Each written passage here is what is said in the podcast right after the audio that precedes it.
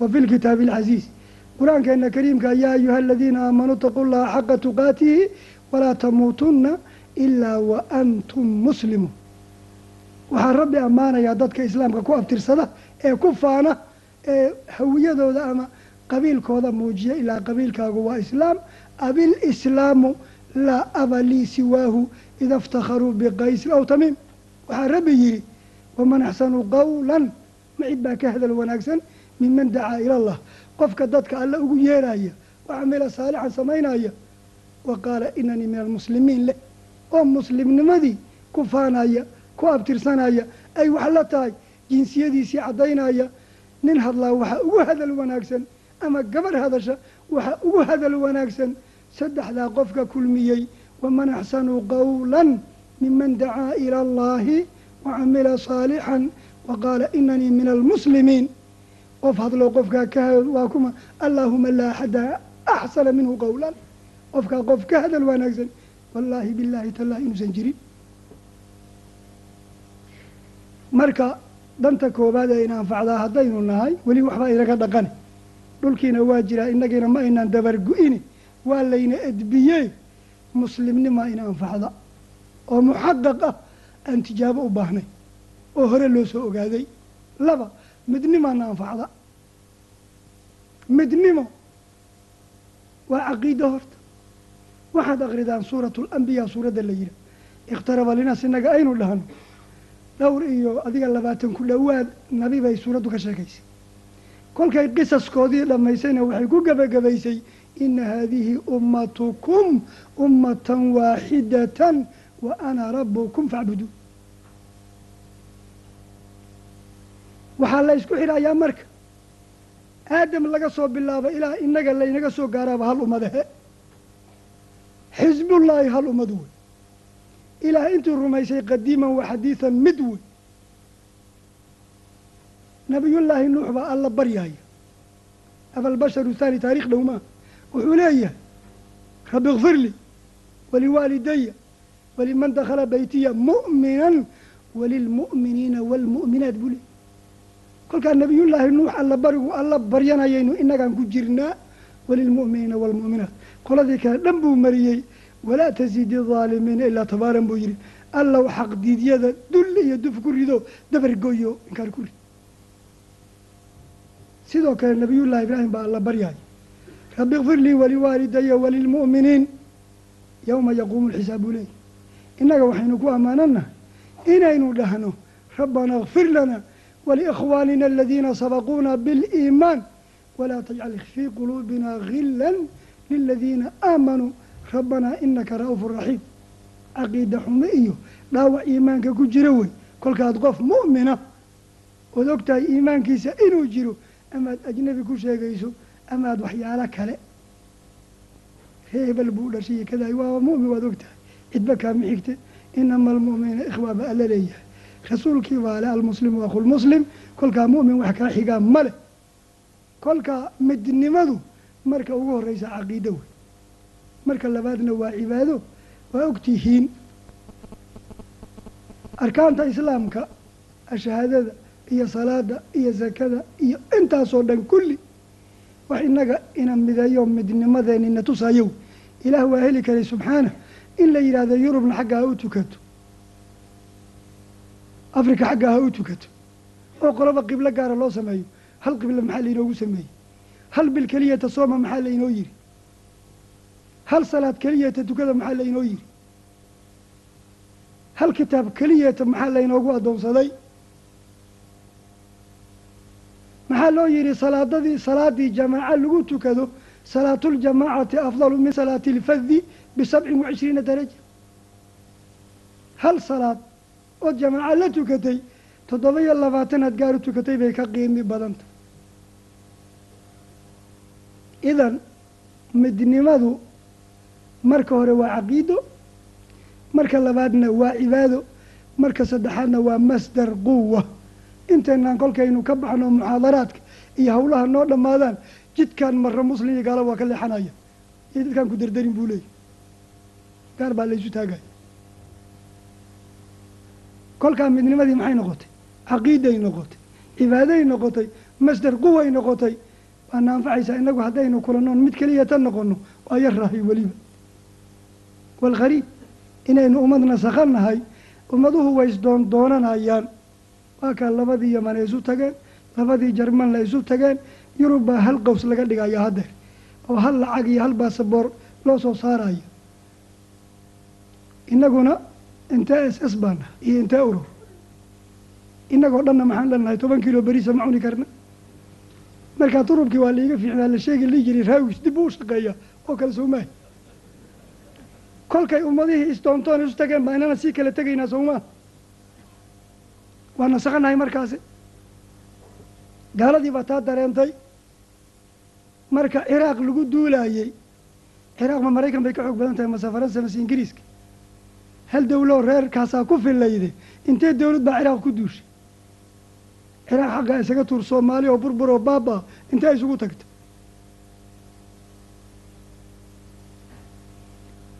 Marka waxaana anfaca walaalayaal midnimo. Saddex waxaana anfaca isad iyo karaamo ku heli maysid dad aan dalkaaga ahayn. Waxaa jira wax ibnu sabiil qur'aanku ku magacaaba oo qof socota aw kolkaa qofka hadduu socotay hoosan dalkiisii joogin masaakiinta loo dawarayuu ku jiraa sadaqadaa ku baxa. Wabni sabiil baa la yidhi. Marka ciz iyo karaamo ku yeelan maysid dal aan dalkaaga ahayn marka waxaan noo dana saynu u dhannahay inaynu dalkeennii ku noqonnaa inaynu dalkeennii ku noqonno baa inoo dana. Inaynu mid keliya tan noqonno baa inoo dana. Inaynu muslim dhab aan noqonno baa inoo dana waa ka kabanaynaa wixii dhibaato inagu soo dhacay. Waxaa jira mar anaa dhintay masala mar cumar faaruuq baa dhintay hala dhaqo. Xabaashii cumar faaruuq ma la qoday. Janaasada cumar faaruuq ma lagu tukaday waxaa la odhanayaa meydkii ma laysku duway meydkii ma la dhaqay. Xabaasha ma lagey ma la soo duugay magacii arka naftuu la socday waa iska buubay. Haddaba taa waxaan idinka qancinayaa daba socodka wax tegay dad mustaqbal ka fikirayana wax la soo dhaafay uma hogaamiya. Diintii alla idinku hogaamiya. Wixii rabbi raalli ka yahay dhankood idiin jiida.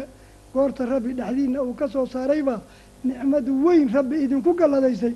Xusuusnaadoo ka mahadnaqa wajacalakum muluukan buu yihi waagaa banuu israa'iil qiyaadadaa qaybsanayd oo boqoraduna reerka geedigiisa iyo raridiisa dagaalka ayay qaban jireen wadaadada ama nabiyaashana diintay dadka ku hogaamin jireeno goorta ay u baahdaan nin boqora id qaaluu linabiyin lahum ubcatha lanaa marikan intay nabiga u yimaadaan bay dhihi jireen boqor baanu u baahana nuqaatil fii sabiilillah. Markaasaa nabigana alla berigi oo dhihi jiray banuu israa'iil waxay kaa rabaan boqor. Markaasaa nabiga loo soo sheegi jiray ina allaha bacatha lakum taaluuta malikan ilaa markii dambe labadii qayaado la ysugu daray marka wa uli lamri minkum alculamaau awala huma alumaraau haaniya qayaadada koobaad hadday wada joogaan labadii culammadaa leh haddayn jooginna culammada ayaa mas'uul ah.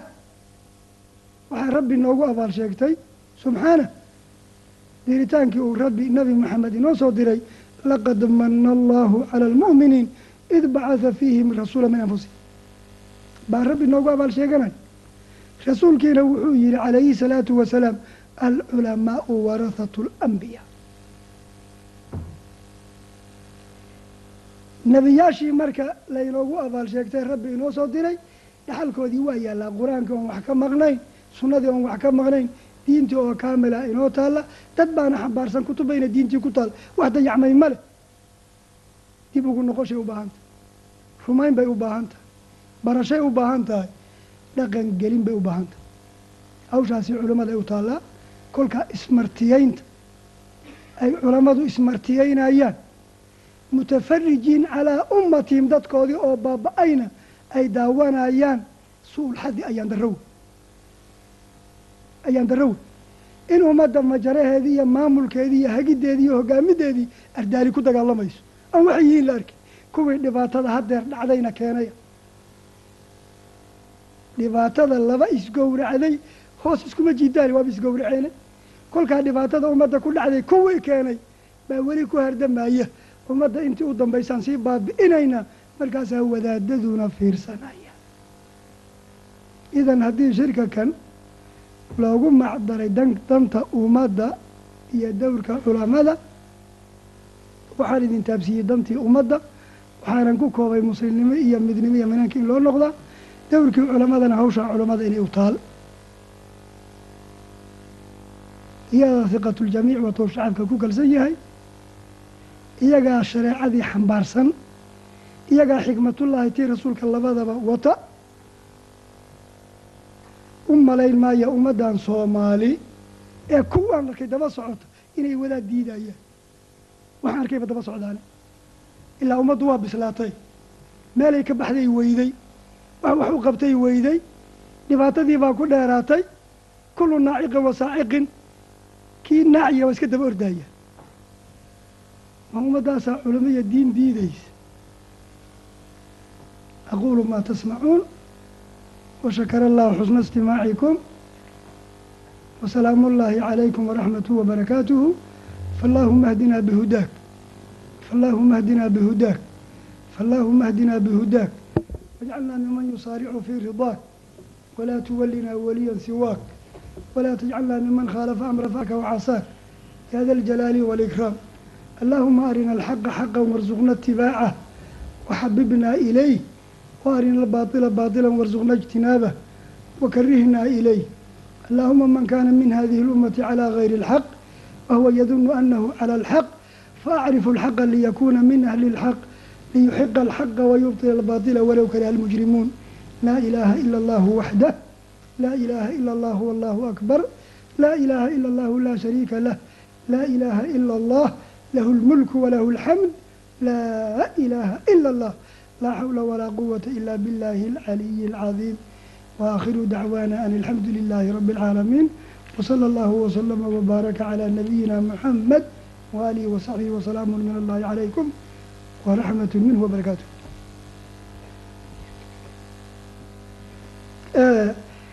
waxaa laydiin akrinayaa bayaan warbixintiisa dambe cashirka dambean idinku leeyahay buu ahaan doonaa si tafsiilan idinku sheegi doonaa haddeerna waxaa laydinku dul akrinayaa waayahay haddii kale soomaali baa tihoon oo cashir laydin siiyey su'aashaad ka jeceshihiin su'aashii aan idiin furno bayaankana aan u dibdhigno warbixinta dambe oo aan warbixin doona bayaankaa laydinku daro. Haddeerna su'aalihii ha laydiin furo wabilaahi towfiiq jasa allahu khayran fadiilat sheekh cumar faaruuq muxaadaradii qayimka ahayd ee uu noo jeediyey oo ciwaankeedu ahaa hadda iyo danta ummadda soomaaliyeed ahaana mowduuca uu ka hadli doono shirkan aanan rajaynayna insha allahu tacaala inuu noqdo macnaha weeyaan mid dawo iyo xal u hela qadiyadda soomaaliya ka taagan iyo mashaakilka nagu haysta macnaha weeyaan dhulalkan shisheeye oon filahayo. Sheekh axmed waa la cabanaya codka amuusan gaarin dadka. Sheekh malaha kaa cadgaa codka miyaa haa ayb ma codkii onkadka ahaa maarata sheekh cumar aada u xooganaa baad u barateen marka kayga u kaadiyahay idin soo gaari si fiican insha allahu tacala waxaan rajaynaya inuu noqdo xal maaragta insha allahu tacala qadiyadda soomaaliya ka taagan oon filahayo maaragta yani sida shacaarka hortiina ku qoran il booyeysa ama ilina ka daadanaysa inay tahay. Waxaan filaya nin walba meel bay ilintu kaga daadanaysa ama gudaha ama dabadda meeshay doontaba ahaatee. Xaqadana waxa weeyaan ilahay waxaan ka rajaynaya in nagu anfaco waxaan maqalnay nagana dhigo kuwo ku camalfala had iyo gooraale macnaha weeyaan waxa aan maqalno oo khayr ah macnaha aladiina yastamicuuna alqawla fayatabicuuna axsana ikhwatii fillah shiiqa bayaanku idiin sheegay waa shir maka ka dhaca culimmada soomaaliyeed ay isugu tageen. Oon cidi ka maqnayn wax yar mooyaane. Insha allahu tacaala kaana macnaha waa mid xiisale insha allahu tacala aan jecelnahay muxaadarooyinka soo socda inuu noo doqon doono mid qayb weyn nogala gala insha allahu tacaala su'aalaha ugu horreeya ee macnaha weeyaan ku saabsan muxaadaradan qayimka waxa uu leeyahay qoraha soo qoray. Sheekh cumar waad nooga sheekaysay muxaadarada allaha nagu anfaco laakiin waxaad noo sheegtay nin aan wax garanaynin inuu hadiya gooraale macnaha weeyaan isha ka tura saa tusaalahaba u soo qaadatay ahaa warshadda adiga lagu dhiibay. Haddaba maxaad ka odhanaysaa wadaadada soomaaliyeed macnaha weeyaan sida siyaasad ama dowr loo galo maaragta yani maxaan ku idhahdaa hab iyo maamul ma garanayaan. Marka ma waxaad doonaysaa ummadda meel cidlaa inay ku furaan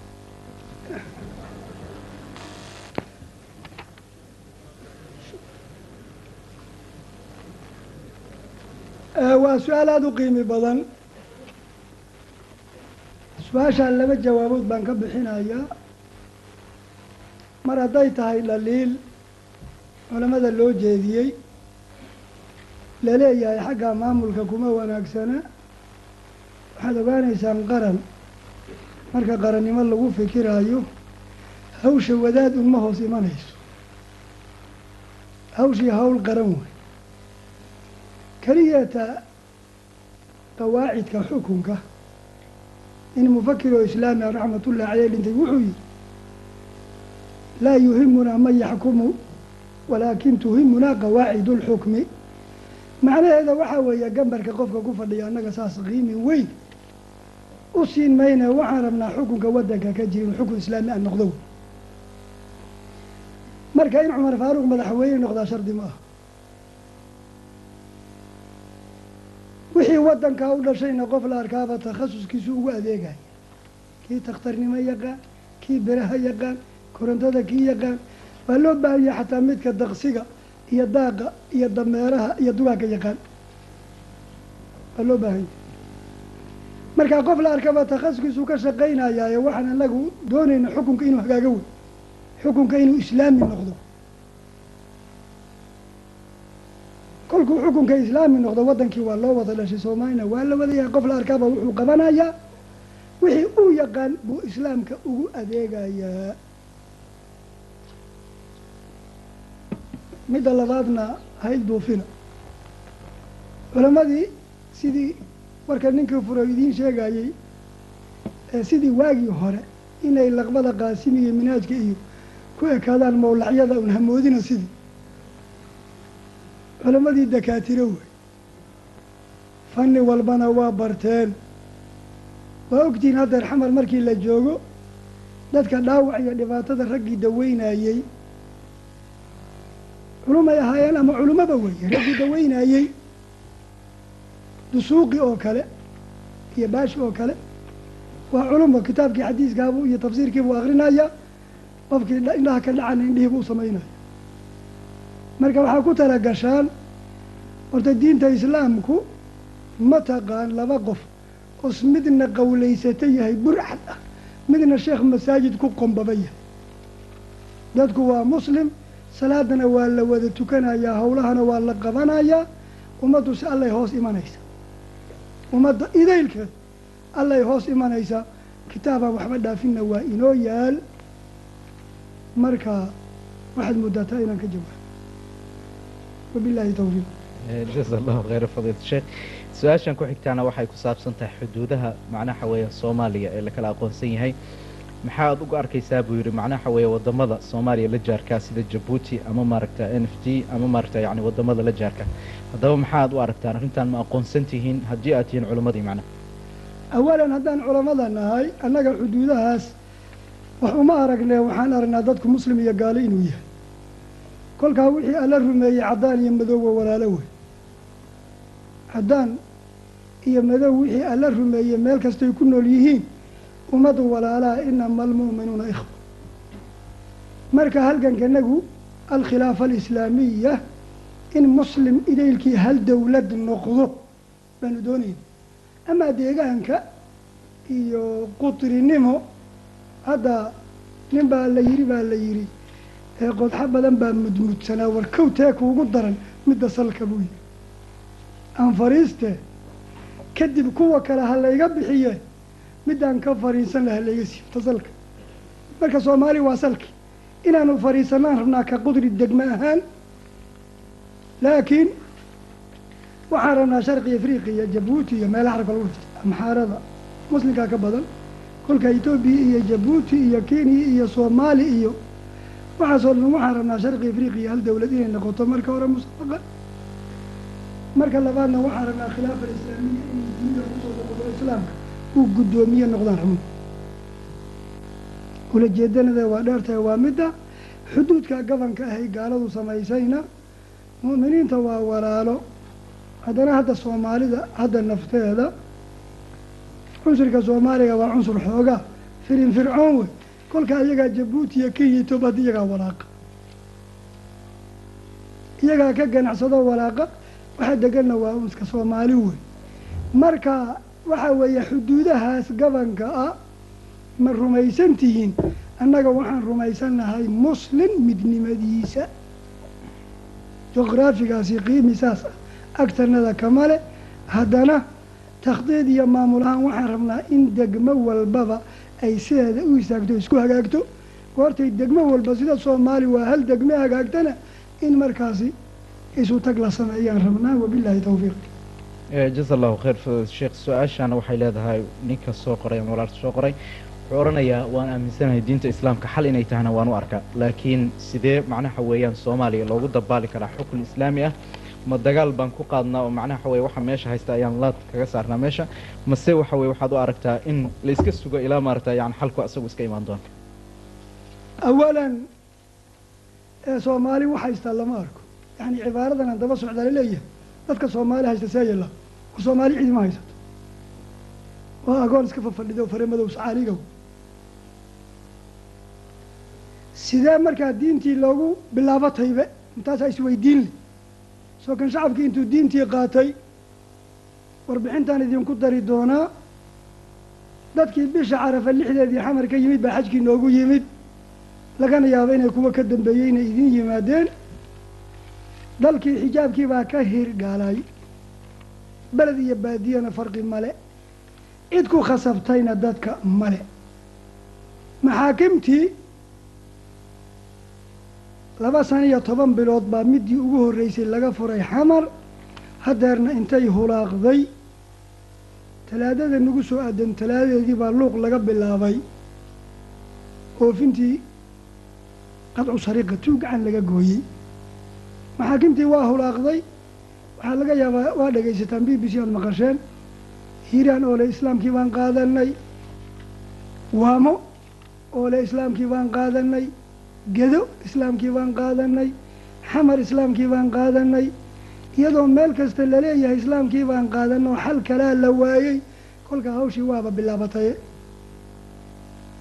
ilaa ta ugu qallabsan waxay ahayd qof bani aadam oo xuduuddii gashay laga oofiyo waxtaa ka qallabsan ma jirin idan itijaahiina waa bilowday ilaah weyne waaxidka ana xigmu uladan laha dowlo xoog badan oo markii la qiimeeyo waxaa la odhan jiray afrikada madow tiri iyo tayo markii loo qaybiyo tiro nigeria ugu ciidan badan laakiin tayo soomaali baa lambar wanahay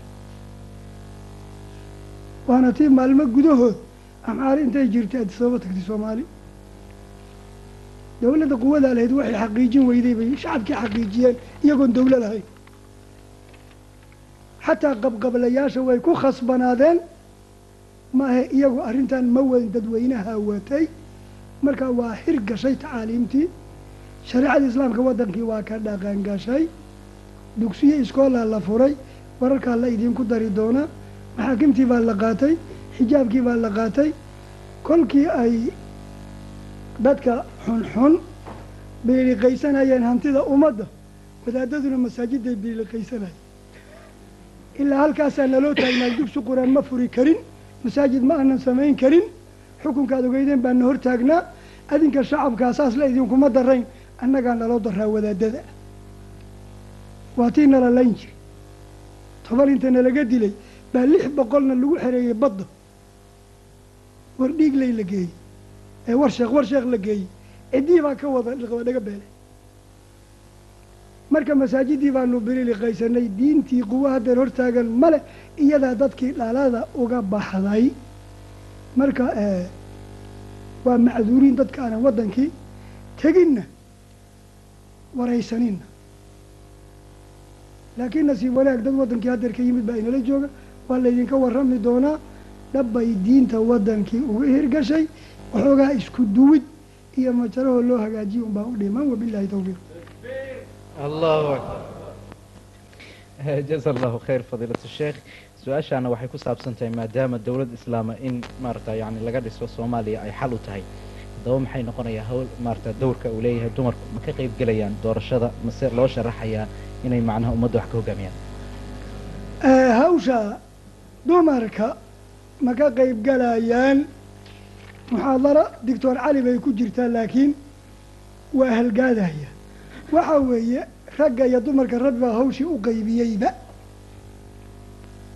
Rabbi baa hawshii u qaybiyey ragga iyo dumarka ee wilaayaadka in ama qaali iyo garsoore la noqdo ama imaam iyo khatiib la noqdo ama jihaad iyo dibaddaa la aado ama nafaqe iyo biil iyo nool maalmeed la raadiyo howlahaasi raggaa alla ugu talagalay haweenkuna wasiiru daakhil bay noqonaysaa aqaladii hagaajinaya caruurtay barbaarinaya odaga markuu soo murxo bay lugaha saliid u marinaya. Marka hawlihii waabay inoo qeybsan yihiin waxaa kaloon waxba ku jabnayn. Dhaawaca markii aanu annaga dagaalka galloo gaalada cidiyaha ka jarayno dhaawaca waa noo waraabinayaan haweenka. Gabdhaha wax yaqaana gabdhaha wax yaqaan bay waxbarayaan caafimaadka gabdhaha yaqaanana gabdhahay noo daweynayaan laakiin xerya daalaalnimo iyo isdhexdabaalasho iyo isku neefsi iyo lama ogolo laba jinsi baa la yahay xijaab baa diinteennu soo rogtay gabadha waa inay karaamadeeda maxfuud ahaato ilaashanaato laakiin haddii qofkii markay gurigiiba joogto waxa waxaa looga cafiyey qofkan soo qof warshada ma ah ilmana waa dhashay mid kalena calooshay ku wada midna waa dhaqaajisay maxay ku tari kartaa inta ma qofkaasaa la odhan karaa warshad ka shaqe? Dad bayba ka shaqaysaa.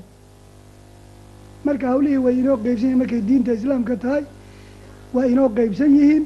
Intii idin xalaala oo aan laga maarmin oo bulshada barkeed weeye haweenku baad noo qabanaysaan waxyaalihii kale annagaana lagu daynaya baarashuudka iyo annagaa dawladaha ka soo dhacayna idinkana guriga baad noo joogaysaan waxaasaad noo qabanaysaan wabilahi tawfiiq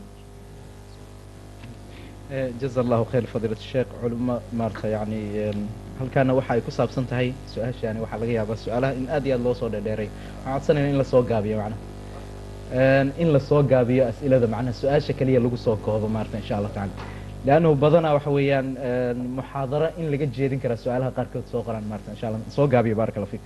Su'aashan waxay leedahay sheekh cumar faaruuq ayay toos ugu socotaa. Waxaan leeyahay sheekh cumar waxaad sheegtay soomaalida inta ururo ah oo jirtaa kulligood s s inay wataan bal ka warran ururada wadaadada kuwa s s t wataan nugul jireen bal ka warran kuwaas maxaad leedahay macna waa su'aal muhima sidaan idiin idhi midnimada waana caqiida waana cibaada waana masdar quwa waxaan rabnaa ummadda soomaaliya idaylkeed hadday wadaado tahay iyo hadday asaas tahay gedigood inaan midaynaan rabno.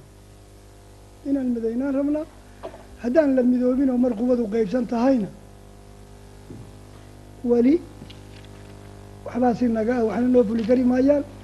Kolka diinta islaamka saan idinku sheegay midnimo ayay ogoshay markaa laba muslim ee nabiga calayhi salaatu wasalaam tashbiih uu bixinayey almu'minu lilmu'mini kalbunyaani yashuddu bacduhu bacdaa afka markuu intaa ka yidhi washabaka bayna asaabicihi shariif faruu isku qabtay nabiga. Oo yihi mu'min tashbiihii labaadee kaa ka sii daraana tara almu'miniina fii tawaadihim wa taxaabubihim wa tacaatufihim kamahali اljasadi اlwaaxid ida ishtakaa minhu cudw tadaacaa lahu saa'iru ljasadi bisahri walxuma nabiga mu'miniinta idaylkood wuxuu ka cabiray jir hal qof ku yaal oo fartaas faryarada ah ciddadeeda haddii nabar ama jira kaaga dhacdo adigoo dhan baa qandhanaya qanjiradoo dhan baa ku baranaya habeenkaas seexan maysid far baana laga haya sidaanuu nabiga ku tilmaamay idan waxaa weeye ummaddu waa inay midowdaa wabilahi tawfiiq su'aashaana su'aal fiqi weyn lagana yaabo waddamada yurub dadka jooga inay had iyo goor la kulmaan waxaana u leeyahay macnaha qorahaani haddii qof muslin u baahdo dhiig in lagu shubo oo aynan suurtagal ahayn mar walba in la helo dhiig qof muslin ah ma suurtagal baa gaal doofaar ka soo dhargay in dhiiggiis lagu shubo aljawaab masalada kolkii ay caafimaad iyo takhtarnimo gasho waxaad ogaataan inqaadu bashar wax sahlan ma ah qof dhiman lahaa nooleyntiisa bal qur'aanka tacbiirkiisii dhegaysta man qatala nafsan bikayri nafsin fakaanamaa qatala annaasa jamiica. Waman axyaahaa fakaanamaa axya annaasa jamiica. Qofkan hadduu dhimanayo gaal doofaar ka soo dhergay baa tiri doofaarka dhiiggiisa lagu shubaayo naftiisa. Waxaa weeye badbaadin naf baxaysa waa la xawilayaa mahma amka si allasay ku suurowdo in qofkan la badbaadiyo la inqaadiyo baa la yeelayaa. Laakiin wixii yayan u dhicin suhuuli iyo cayaar iyo si fuudiyay u dhicin. Hadday mas'aladu ilaa hada alxad gaarto fuqahaau lmuslimiin raximahumullah waxay yidhahdeen qofkii margada oo cad baa isu taagay cunaha bartankiisa. Cadkii inuu degana waa diiday inuu soo baxana waa diiday kolkaa qofkii neeftii baa go'aysa daqiiqu ku dhimanaya. Haddii la yidhaahdo khamraad dejin karta oo lagu shubayo markaa dawo ma ahe waa badbaadin. Oo ima odhan kartaan xadiidkii nabiga khamre layskuma daweeye uu yidhi waa runtiis nabiga khamre layskuma daweeyo qofkan geedda laga dejiyeyna waa la badbaadiyey lama daweyn marka waxaa weeye haddii meesha xanuun geeri u muuqda uu dhaco qofkaas geeriyoonaya sidii lagu badbaadin karaa lagu badbaadinayaa wabillahi tawfiiq. Jaza allahu khayr fadil sheekh. Sheekh cumar waxaad noo sheegtay weliya qorahani inaad tidhi waddankii dib ha loogu laabto isla markaana maarata waddankii hala islaaxiyo. Hase ahaatee wadaadadayda meel nooga banaani ma jiraan leanna waddankii waxaa loo kala qaybsaday kaaba qabiil siyaasi askari maaragta hub haysta annagoo xaggee istaagnaa marka. Waa su'aal muhiima jawaabtuse waxaa weeye adigaa kuwa u baneeyey kaalinta siiyey sooma markaa ninkaanad kaba qabiil iyo sudaan ku sheegaysa inuu jagada istaago wuu biliqaysay soomaa adaa lagu waayey soomaa ismartiyeyntaada buu ka faa'iidaystay. Oradoo isku maqiiq meesha. Waxaadna ku bishaaraysataa cid kaa ayaan roon male. Shacabkii nimuu kaaga maqlid badan yahay male. Sadiqni iga rumaysta. Nimanka qabqablayaasha ah ama kuwii taqliidiga ahaa garaadyadii iyo beeltaajiya iyo suldaanka iyo malaaqa iyo boqoradii hore iyo kuwaan hadda labadaba haddaad u tagtaan inay ku odhanayaan sheekh na tuji anaa ku huba taas. Kuma dhici karaan inay anigay tujiyaan. Sheekh na tuji bay leeyihiin sheekh ducee sirka sheekh qur'aan noogu fur taladayn ii ogolayn maahe taqdiim gaban waa i ogol yihiin taqdiim gaban iyo horumarin waa ii ogol yihiin laakiin tale iima ogola sheekh duca iyo fariisa markayna roobay nabad allaha keeno iska fariisanayo iyagana waa nacnaclaynayo maadaa khasira alcaalamu biinxitaadi lmuslimiin hortay culamaa adduunka hogaaminaysa ibtida'an min rasuuli llahi sala allahu alayhi wasalama khulafaau raashidiin dowladdii cabaasiyiin umawiyiin lagu tarbiyeyn jiray wiilka goorta boqornimo lala maagan yahay ayaa adiib loo keeni jiray wax walba bara kolka markay dunida dad alla ka baqanayo hogaaminayeen waa dhaqnay dunida laakiin markay dunidii ardaal gacanta ku dhigtay baa dad iyo dal iyo diinba lumeen. Kolka waxaa weeye qoladiina wadaadada ah ismartiyeyntiina baa laga faa'iidaystay. Ka kaca fadhiga meeshii taga dadkiiyo dalkiiba waydiin diyaare. Wabillahi tawfiiq. Jaza allahu khayr fadilat sheekh su'aashaana su'aasha hadda ayay maaragtay xiganaysaa dabagelaysaan sheekh cumar waxa ay leedahay xalalka aad soo jeediso xalal macquula isla markaana haddii macnaha weeyaan meel kale aan weyno aan ka galno suurtagal ma noo tahay kuraasta la qaybsana inaan qayb ka qaadano wadaadana siiya waxaan qabaa wax hadeer laga qayb qaato meesha ma yaalaan. Madaxweyne kaaraan jooga iyo madaxweyne xaafadda wadajir jooga iyo mid hargeysa jooga. Ummadda ogeydeena soomaali saddex madaxweyne iyo shan madaxweyne ku-xigeen isla madaxweyne a marka intaasoo madaxweyne ma qarne wax maanta laga qayb qaataa meeshii ma yaalaane aynu abaabulna samayno ummadeennana isku duwanno arrintan waxaan qabaa banaanka isaga soo dhici doontaa mafruudku wuxuu ahaa nimankan odayaasha qabqabalayaasha inay yidhaahdaan culamo allah naga qabta majarihii ummadda ku fashalloo ku baaba'ana qaarkood waa yidhi laakiin hadday isku nagaajeen nafiwad maaragte siddeetan nin dhaafay. Labiyo toban cudurna qaba. Inuu soomaali xukumu doonayo raggiina laylaha caafimaadka qabana marti marti baad ka bixi laadi waxa weeye wax kursi laga qaata maanta meeshii ma yaalaane iyaga inta laysu deeyo bal horta idinka culamada iyo ummaddii is abaabula. Arrintaani gacantiinay soo gelaysaa in sha allah wabillahi tawfiiq. Jaza allahu khayr fadilat sheekh sheekh cumar waxa uu su'aashan maarata yani ku saabsanta isla muxaadarada laftigeeda. Waana su'aalaha maarata aad iyo aad qadimaada u leh. Haddii dowlad islaamiya dhalato suurtagal miya axsaab kala gedisan oo islaamiya inay maaragtay layska agdhiso isla markaana tartan loolan madaxtimo loogu galhayo loo maarata yani la dhigo. Aljawaab cashrikii bay ku jirtay axsaab uma baahan hal xisbi baan haddaan nahay soomaali. Ilaa muslim baan wada nahay. Juqraafiyan waxaa qoran soomaali boqol kiiba boqol waa muslim. Marka xisbi uma baahnin waxa aan samaysanaynaa majlisu shuura dad la xulay alla kacabsi aqoon lagu xulay baynu samaysanaynaa iyagaasaa xisbigii naga kaafinaya marka giddigeen saan u dhannahay intii alla rumaysay idaal idaylkeed baa xisbullaahi ah. Markaynu xisbullaahi nahay uma baahnin. Waxyaalaha noocaas oo kale ah kolka xisbi saasa ma jiraan maxaa jira nabigeennii suubana calayhi salaatu wasalaam waxaa jiri jirtay maamul iyo dadweyne labada. Qayaado saalixa. Wax garanaysa waddankii hagto hogaamisa iyo shacab keliyeeta oo ku xiran. Ayaa jiri jirtay. Kolkaa waxay qabanayaan male axsaab iyo muran iyo waan xusuustaa axsaabihii waa soo gaaray. Goortay doonada soo dhawaataa waxaa la dhihi jiray barbagaankii baa la furay. Macnaa in liscaayo xalaal wey marka habeenadii baa qaybsan qolaba ilaa waa badnaayeene habeenkood afkay ku kubi kalay caynayaan ma waxaasaa wax ah dad cay xalaaleeyey. Marka xisbi iyo waxaasi qiimi male ummaddu waa isku mid waana walaalo. Kolkaa dadweyniya maamul unbaa loo qaybsamayaa maahe ulul amar iyo ummad unbaa loo qaybsamayaa ma jiraan waxaasi wabilaahi tawfiiq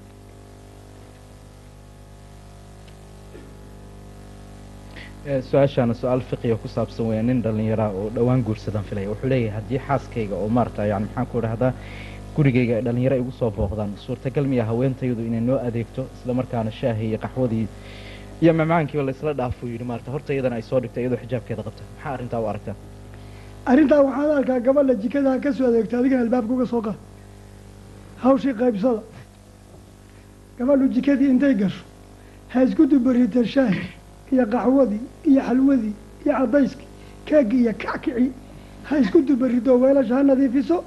Markay kuu soo dhigto albaabkana way ku wargelin. Adigana ka soo qaad albaabkee wasac. Gobonnimadu waa sida. Wabilaahi tawfiiq. Jaza allahu khayr fadiilat sheekh. Su'aashaana waxay ku saabsan tahay iyadana fiqi weeyaan. Waxaynu leeyahay mataga ilmaha ay matagaan waa arrin aad iyo aad u dhib badan oo layska dhowri karayn marka maxay noqonaysaa maarata ma waxaa loo dhaqahay si najaasa muqallada ah oo adag oo maarata yani toddoba goor baa la maydhayaa muxuuse yahay maarata yani dhareerka ka yimaada ilmaha laftigooda maa xukunkiisa? Aljawaab. Dhareerka ilmaha sidiisa waa daahir. Mantagii baa yimid labaynu kala qaadayna.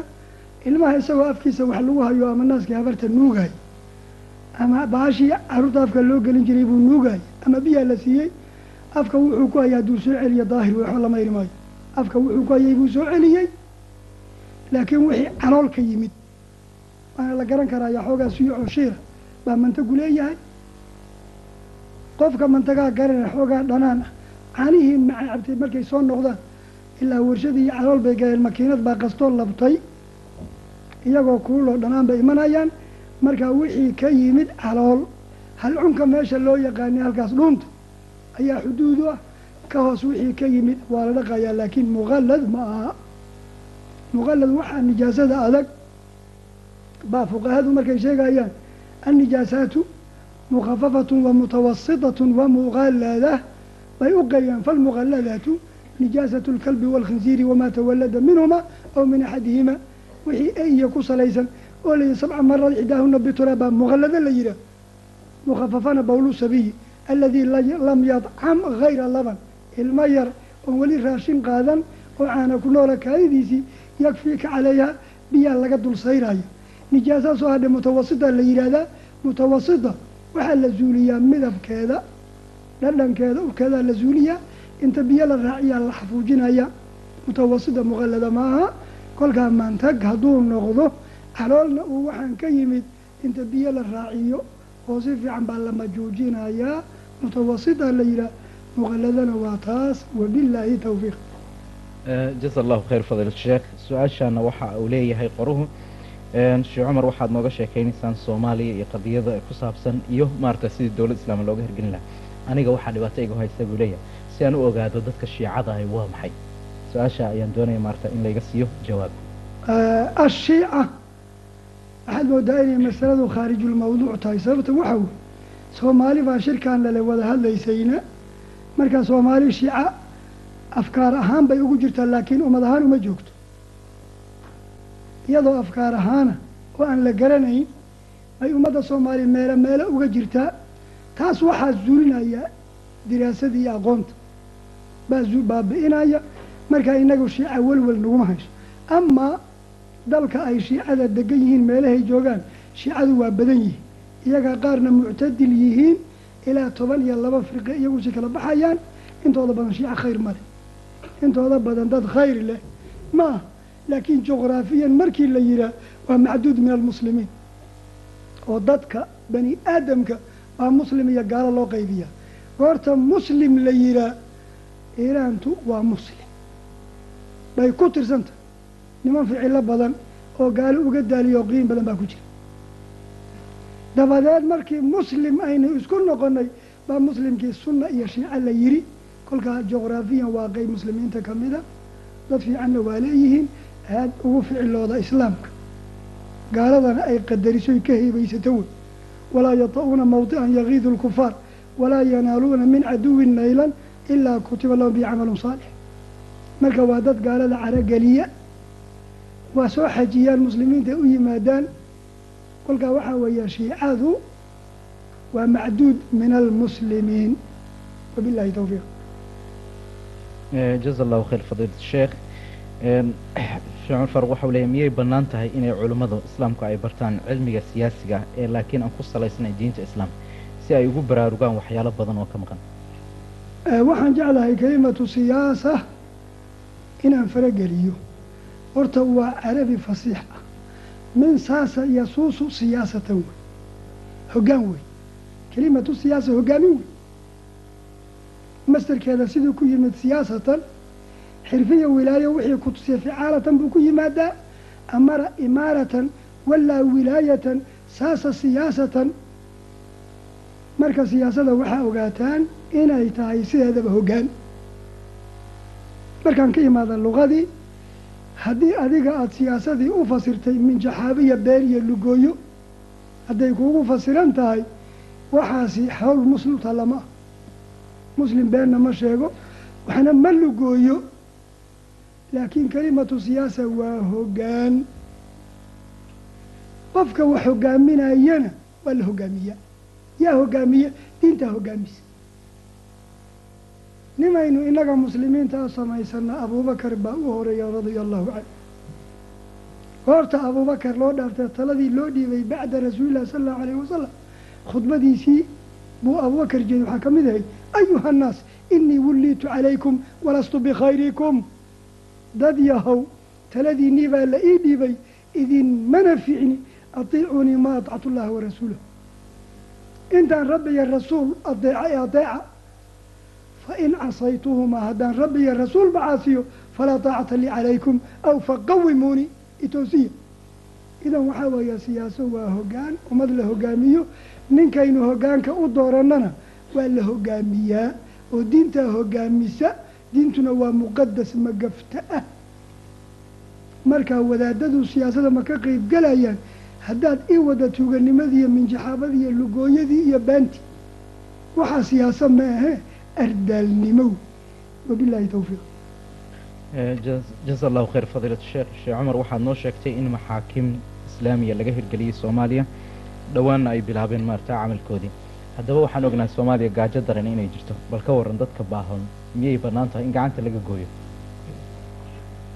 dadka baahan soomaalidu waagay qunayd bay mahmaah lahayd waan baahanahay bakti looma cunaa la yihi haddaba haddaad gaajaysan tahay ninkan aada wax ka xadayso bari xaq baad ku leedahay. Ajmilu dalab fa ina risqa maktuub wixii calaf ee ku soo gaaraya xagga luu kaaga qoran yahay laakiin wadda xalaala u qaad. Marka waxaa weeye tuuganimada ama beriliqada iyo burcadnimada giddigood baahi kuma salaysna inteeda badan akhlaaq xun ay ku salaysantah dad firdhay oo gurigoodii ka tegay akhlaaqdii iyo iimaankiiba ka xumaadeen xalaalaystay dadka dhiiggiisa dhaqankiisa u kolka kuwaasi qur'aanku uma shardinin baahi waxaa alla yidhi inamaa jazaau aladiina yuxaaribuuna allaha wa rasuulahu wayascawna fi lardi fasaada an yuqataluu aw yusallabuu aw tuqataca aydiihim waarjuluhum min khilaafin aw yunfaw min alardi dalika lahum khizyun fi dunya walahum fi laakhirati cadaabun cadiim marka inay gaajo ku qabato ama hantidii ku dhaaftay ku banayn mayso ee waxadidda iyo qarka dhiciddana kasabkaba waa ka sii qallabsan tahay adoo cadbeela abuurta ama dukaankabana furta baaba ka hawl yar inaad caawle meeshaa kuusnaato derbi fooda ku hayso kolba meel fanato lagaa soo rido murmuraxdo calaagadi u dhacdo tanaba ka sahlan ta labaadna bari dantaadana sheego. Marka waxaa weeye qofkan sayd cumar radia allahu canhu caama ramaada sanad abaari dhacday oo cirka roob laga waayey dhulkana cunto laga waayey buu yihi xuduuddii waa u kaadinaya ilaa ay kala baxaan qofka naf haysay ay waxaa nafi u geysay iyo qofkay edab darre u geysay. Waa muddo muaqaday ahayd baa sayidku joojiyey. Dabadeedna markii cirkiiba roob ka yimid dhulkiina cunto ka soo baxday. Marka waxaa weeye hadda dhulkii oo aaran roobbaa da'a tijaaraa jirta. Marka waxaa weeye xuduudda islaamka kun iyo afar boqol oo sano ka horaa rabbi rasuulkiisii ku yidhi fasdac bimaa tu'mar wa acrid can ilmushrikiin wixii lagu faray diirka ka qaad idan shareecadaana waa taallay axkaamtaana waa qornay hadeer marxada la soo gaaray waa fulin marka qofkii xukumay ilaah shareecadiisa iyo kan lagu xukumayba ahlu janno wey kii xukumay iyo kan lagu xukumayba ahlu janno wey wabillahi tawfiiq. Jaza allahu khayr fadiilat sheekh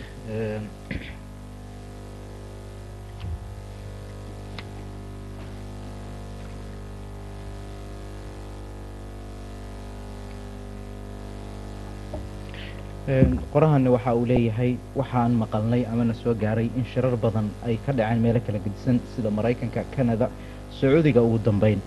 Haddaba maxay tahay maaragta dowrka culimmada soomaaliyeed? Ee macnaha weeyaan hadba meel shir lagu qabanayo aysan habboonayn. Kii hore maaragta wixii ka soo baxay in la hirgeliyo. Maxaad u aragtaa shucuur faaruq macnaha waxa weeyaan shirarkaa kala gedisan ee dhacaya ee maaragta ku saabsan xal raadinta ummadda soomaaliyeed ee weli maaragta aan laga gaadhin guul aljawaab shirarka badan ee dhaca ee ama maraykanka ama sacuudiga ugu dambeys ama meelaha ka dhaca ee la taabtay waxa weeye dhibaatadeena heerkay gaartay waa ogti. Dhibaato qaangaara oo baaluuqday oo tan dhaaftay baa ina haysa. Marka iyadaasi waxay laasimsanaysaa ama u baahan tahay shirar badan wadahadal badan gorfayn badan? Waataynu ku heesi jirnay taladaan la ruugin waa lagu rafaado marka dhibaatadeenna arrintaa wacatay. Ta labaad kuma saabsana shirarka dhaca giddigood xukun iyo waxaa kuma wada saabsane masalan markaan kanoo kale ka soo qaado waa ogtihiin innaga waxoo dhaqataynu ahaan jirin. Qofkii neef ariga ka lumo baa maanta oo dhan wareegi jiray kolba reer ka duldhici jiray xeesaan cadyaalkay buu ohan jiray. Annaga dad baa naga lumay kolka. Malyuun bay cagacagaynayaan soomaalida yurub iyo maraykan soo gashay. Marka annagu baahidan aan soo raadsanay. Idinkaan idinka daba nimid balsaan axwaalihiinana u ogaano idinna aragno walow aan idinku farxnood dhaqantihiin oo saan moodaynay aada si ka fiican tihiin. Marka qaybahaas farada badan iyo dacwada iyo abaabulka iyo isdareesiinta bal horta inaynu dawla islaam u baahannahay dadkuma wada dareemaye isdareensiinta iyo afkaartaas iyo dhaqan toosinta dadkii horta in islaamnimo loo toosiyo. Arrimahaasaa shirku ku saabsan yahay giddigii kuma wada saabsana middaa oo keliyeeta marka culamadiinii waa baraarugtay wixii maqanna way dareentay idinkana waxay idinka baahan yihiin inaad culammada isla garab taagtaan hiil iyo markaana in shaa allah waxbaa hagaagaya. Wa yowma-idin yafraxu lmu'minuuna binasrillah yansuru man yashaa wahuwa araxiim wabillahi towfiiq